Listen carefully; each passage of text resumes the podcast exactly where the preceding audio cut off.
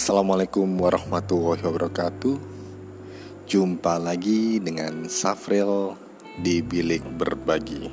Tentu saja di episode yang terbaru. Tiap orang harusnya punya mimpi. Karena mimpi itu gratis dan apa saja bisa dimimpikan. Gak perlu beli mimpi karena tak ada pusat grosir mimpi.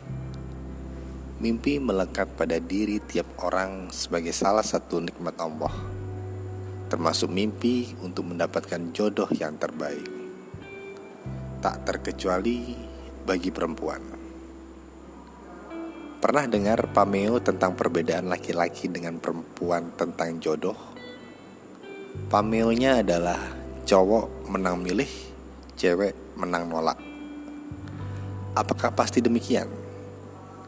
Ternyata tidak juga.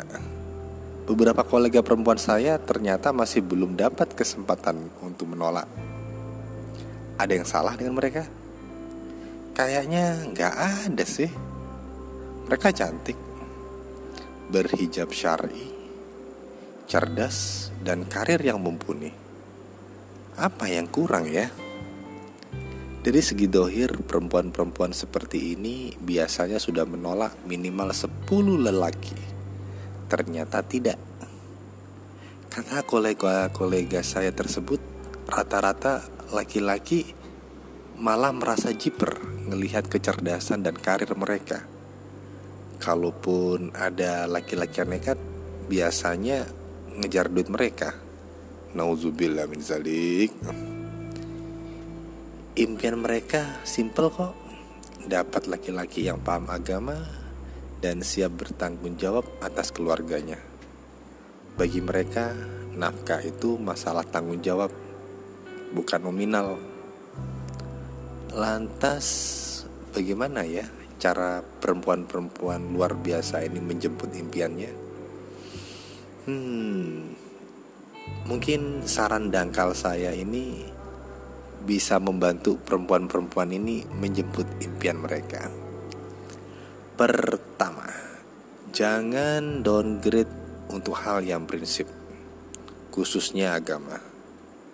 Jangan terima laki-laki yang sholatnya cuma setahun dua kali, pas Idul Fitri dan Idul Adha.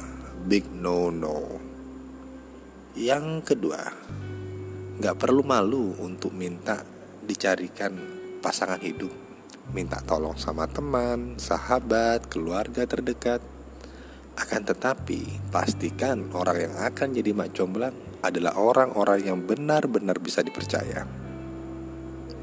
Ketiga, perluas pergaulan agar peluang untuk mendapatkan yang diimpikan pun semakin luas. Yang keempat, berprasangkalah baik pada Allah. Selalu optimis kalau Allah bakal kasih yang terbaik pada saat yang tepat. Yang kelima, sembari menunggu yang terbaik, sekalian perbaiki diri sendiri. Mulai dari spiritual, mental, fisik, pendidikan, dan masih banyak. Intinya, kita harus siap untuk orang yang tepat pada saat yang tepat saat diri kita sudah tepat. Itu aja sih.